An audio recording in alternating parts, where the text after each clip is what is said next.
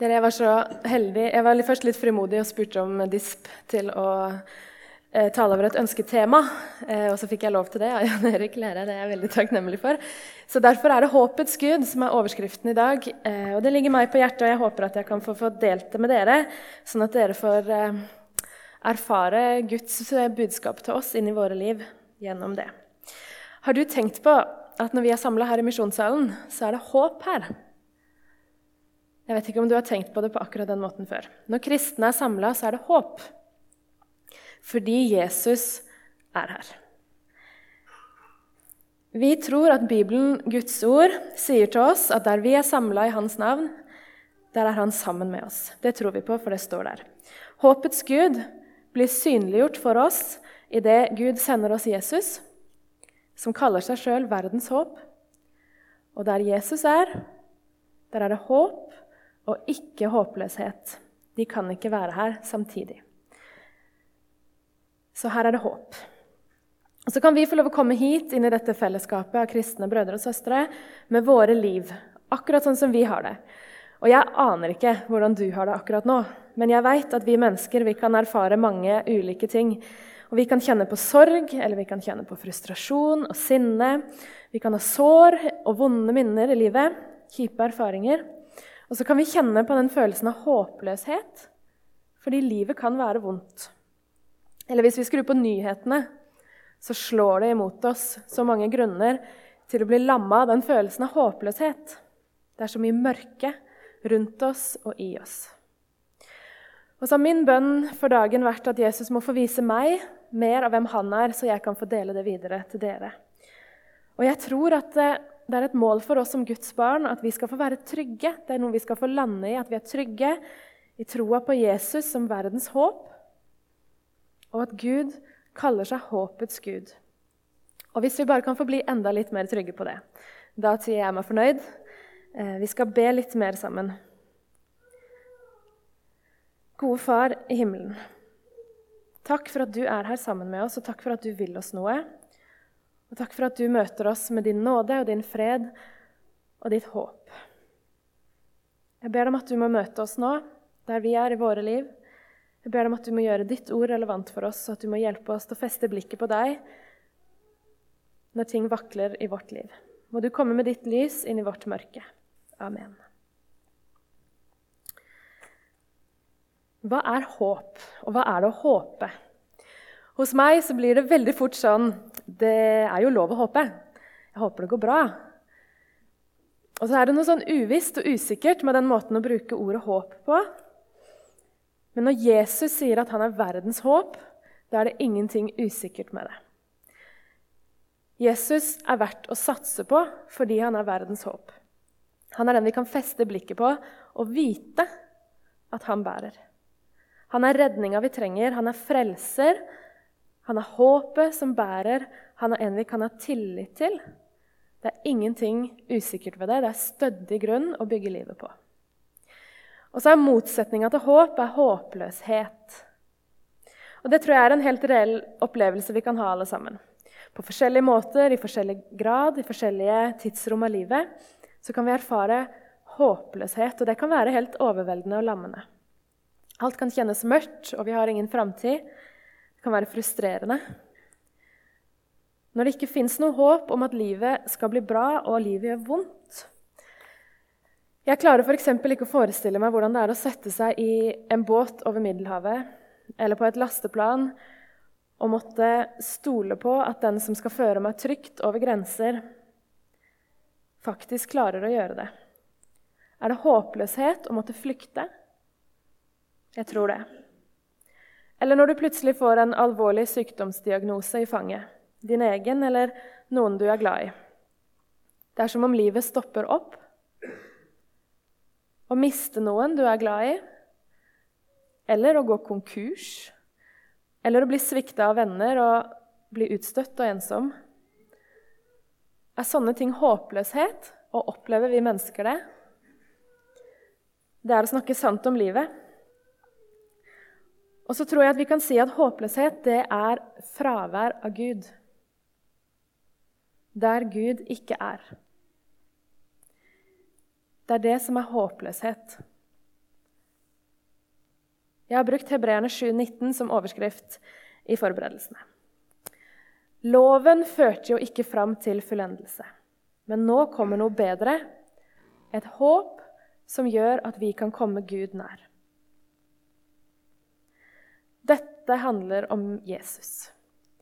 Det kom noe bedre. Jesus kom.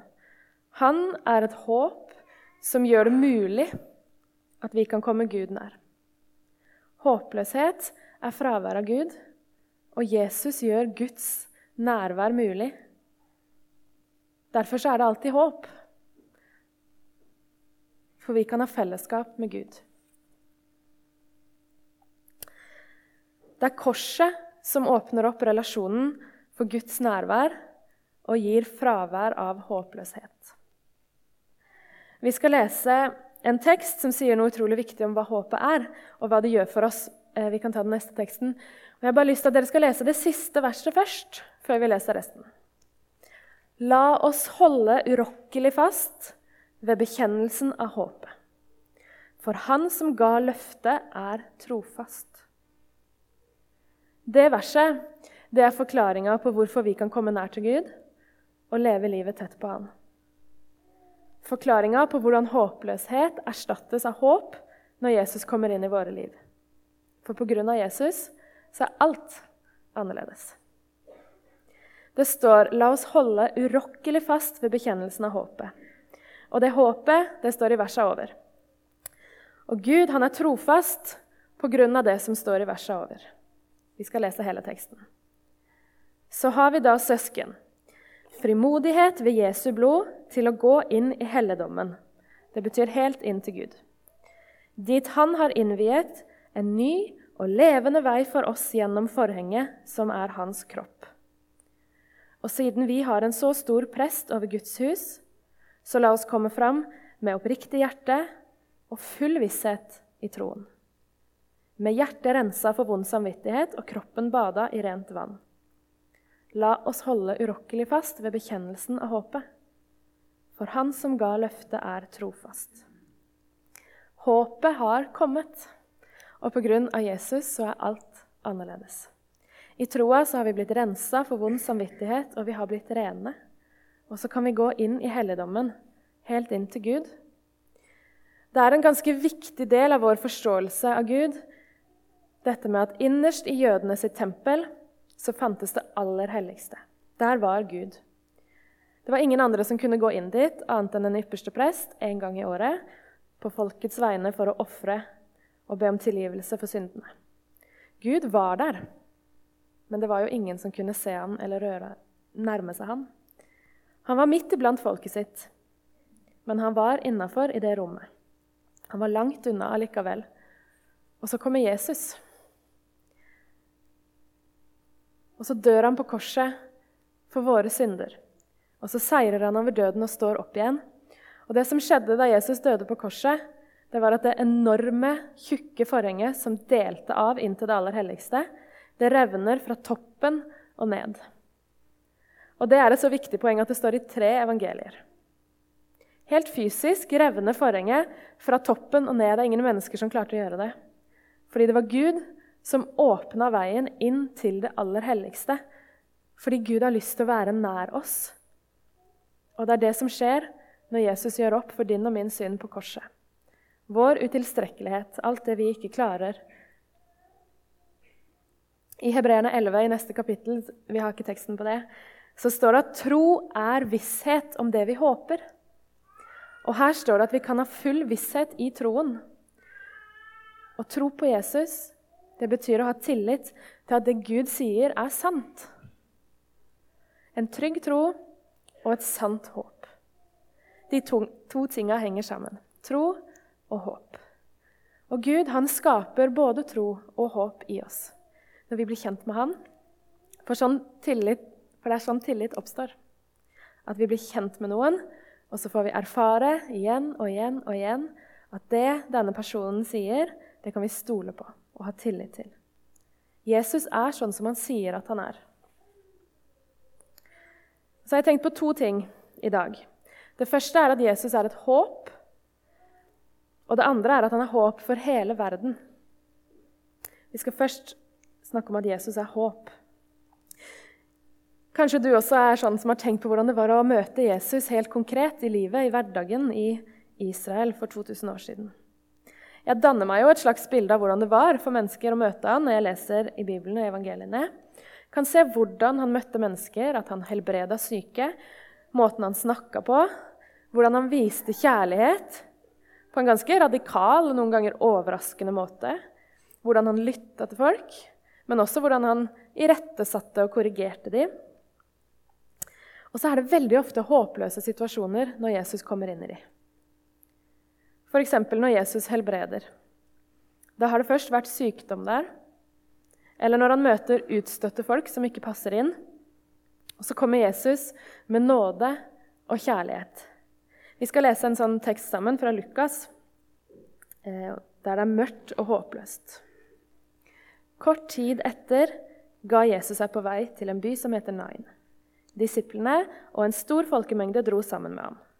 Da han nærma seg byporten, ble en død båret ut til graven. Han var sin mors eneste sønn, og hun var enke. Sammen med henne kom et stort følge fra byen. Da Herren fikk se enka, fikk han inderlig medfølelse med henne og sa, 'Gråt ikke.' Så gikk han bort og la hånda på båren. De som bar den, stansa, og han sa, 'Du unge mann, jeg sier deg, stå opp.' Da satte den døde seg opp og begynte å tale, og Jesus ga ham til mora. Alle ble grepet av ærefrykt, og de lovpriste Gud. En stor profet er oppreist blant oss, sa de. Gud har gjestet sitt folk. Dette ordet om ham spredde seg i hele Judea og området omkring. Klarer dere å se det for dere? Det er ei mor som først har mista mannen sin, og så mista sønnen sin. Nå er hun helt aleine igjen. Og jeg tror ikke det fins noe bedre ord for å beskrive situasjonen enn håpløshet. Sorg, fortvilelse. Og så kommer Jesus inn, og hva er det han sier? Gråt ikke. Vi vet ikke om hun visste hvem han var. Så kommer det en mann inn og sier, 'Gråt ikke'. Det må ha vært som et slag i ansiktet. Hva i all verden er grunnen til å ikke å gråte når alt har rakna i livet ditt? Og hvem er han til å si det? Og så er det jo akkurat det som er poenget. Jesus har myndighet, autoritet, til å si det. Han er herre over liv og død. Hun vet ennå ikke hvem han er, men så vekker han sønnen opp fra død til liv. Og så viser han at han er Gud, og der Jesus er, der er det håp. Har du tenkt på at med en gang Jesus kommer inn i en situasjon, så forsvinner håpløsheten? Fordi Jesus er der, så er det ikke håpløshet. Det er håp. Med en gang Jesus kommer, forsvinner håpløsheten fordi han har makt til å gjøre hva han vil med det. Hun mora visste det ikke. Hun så det ikke før håpet ble helt tydelig for henne ved at sønnen ble levende. Kanskje er det lettere for oss å forstå bildet hvis vi bytter ut håp med lys. Der lyset kommer inn, der kan det ikke være mørke. Det skal ikke veldig mye lys til før det stummende mørket blir mer grå skygger. Og lyset er synlig med en gang det kommer. Det kan ikke være begge deler samtidig. Når Jesus ser denne dama i gravfølget, så ser han sorgen og mørket hennes. Og på samme måte så ser Jesus oss. Han som vi tror på, han som har makt over døden, han er den sterkeste av alle, og han er vårt håp. Håp det betyr ikke nødvendigvis at alt som er vondt og vanskelig i livet, blir bra på et knips av at vi tror på Jesus. Eller at vi aldri vil oppleve fæle ting. Men det betyr at ingenting kan skille deg fra Jesus. Vi kan oppleve død og sykdom, miste eiendeler, miste bolig, oppleve brutte relasjoner, folk som sårer oss, alle de her tinga som kan skade oss og gjøre vondt. Men det kan aldri ta oss bort fra Guds hender. Og det kan aldri ta fra oss vissheten om at vi er på vei mot en evighet der fullkommen lykke venter. Og Gud ønsker så inderlig å gå sammen med oss gjennom dette livet. Min mann er ganske klok, syns jeg. Og noen ganger så sier han ting på litt sånne morsomme måter som gjør at jeg husker det veldig godt. en av de tinga er at han har sagt vi er dømt til å bli evig lykkelige. Og jeg syns det er en sånn deilig kontrast i den måten å si det på. Dømt til lykke. Det er det vi er på vei mot som frelste Guds barn. Det er det vi skal få feste blikket vårt på. Jesus er vårt håp, og han gir lys og omsorg inn i de mørke og vonde tinga våre som vi kan oppleve akkurat her og nå. Og så har vi løftet om en evighet uten sorg og uten smerte og uten håpløshet. Der Jesus er, der er det håp. Den andre tingen jeg tenkte på, er at Jesus er et håp for hele verden. Vi skal lese to vers fra romerbrevet. Og Jesaja sier, Isais rotskudd skal komme, han som reiser seg for å herske over folkene. Til ham skal alle folkeslagene sette sitt håp. Må håpets Gud fylle dere med all glede og fred i troen, så dere kan bli rike på håp ved Den hellige ånds kraft. Det første verset, vers 12, er et sitat fra Jesaja fra Det gamle testamentet. Og vers 13 er Paulus sine ord. Men helt fra Det gamle testamentet og gjennom hele Bibelen så ser vi at alle folkeslag er regna med i Guds frelsesplan. Og Her skriver Paulus om hvordan Jesaja profeterte Jesus. Han skal komme og herske over alle folka, og han skal være den sterkeste. Og alle folkeslag skal sette sitt håp til ham. Jesus er det vi trenger. Hele verden trenger Jesus. Ikke bare vi innenfor disse veggene her i Oslo. Han er ikke bare mitt håp og ditt håp, han er hele verdens håp. Og Vi er et uendelig stort fellesskap av kristne søsken over hele verden, men det er plass til flere. Og vi må dele det videre. I vers 13 kalles Gud for håpets gud. Det er en fantastisk tittel å ha. Derfor ble det overskrift for dagens tale. Gud er dommer, Gud er rettferdig, han er allmektig, han er allvitende, han er hellig, og han er håpets Gud. Han har lyst til å fylle oss med glede og fred i troa, og håpet følger med på det lasset. Fred som overgår alt vett og forstand. Så mye fred og håp fra Gud. Og så kan vi bli rike på håp ved Den hellige ånds kraft. Og Det er så godt å se hvem det er som handler i den setninga. Jeg vet ikke om det er noen norskgiker her. Men det er håpets Gud som skal fylle deg. Du skal ikke streve med å bli håpefull. Det vi leser her, handler om å leve nær Gud. Når vi lever nær Gud, da blir vi fylt av glede og fred. Vi må søke Gud der han er. Vi må lese i Bibelen, vi må be. Du må gå på gudstjeneste så ofte du kan, fordi her blir du fylt av håp og så skal vi få stå her med tomme hender i dag, i livet til vanlig. For det er det vi har å komme med i møte med Gud. Men han har lyst til å fylle oss og vårt liv med sitt håp. Jeg tror på Jesus, og det betyr at jeg har fått Den hellige ånd i meg.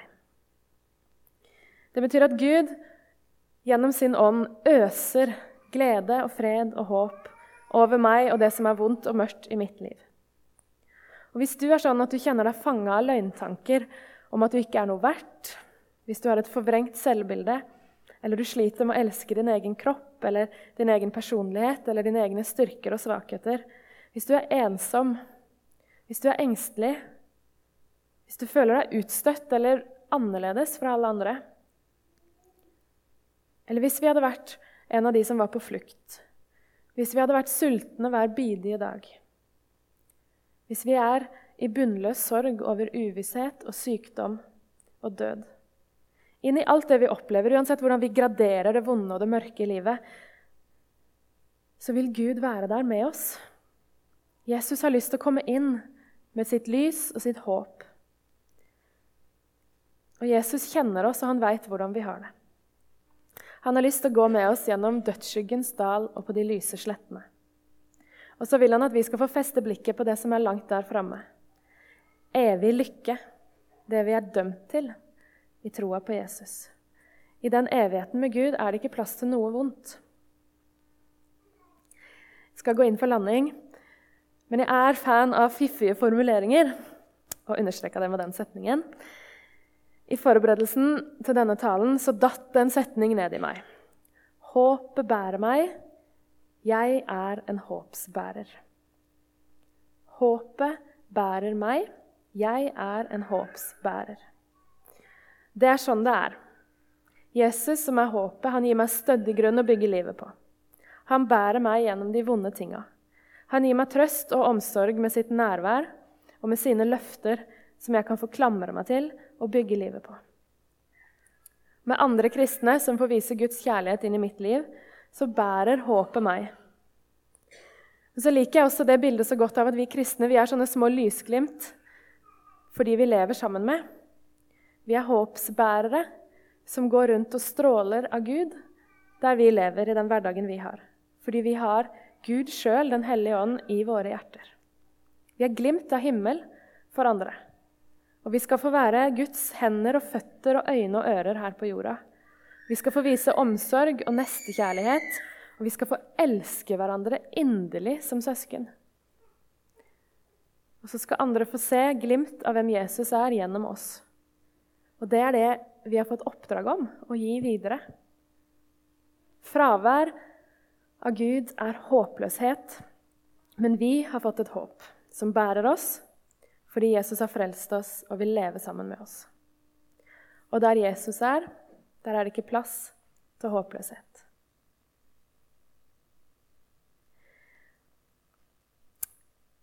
Har du tatt imot Jesus i livet ditt? Hvis du er en av de som lurer på om du har det, som ikke vet helt hva som skal til for å si ja, så har jeg bare lyst til å si du trenger ikke å vente. Jesus står alltid med åpne armer, og han gjør det nå og vil at vi skal få si ja til å følge han, til å si ja til han som Herre og Frelser i livet. Og Hvis det gjelder deg, så har jeg bare lyst til å oppfordre deg til å gjøre det akkurat nå. Og snakk gjerne med en forbeder etterpå. Takk, Jesus, for at du er her. Kom inn i hjertene våre. Takk for at vi kan få leve livet sammen med deg. Amen.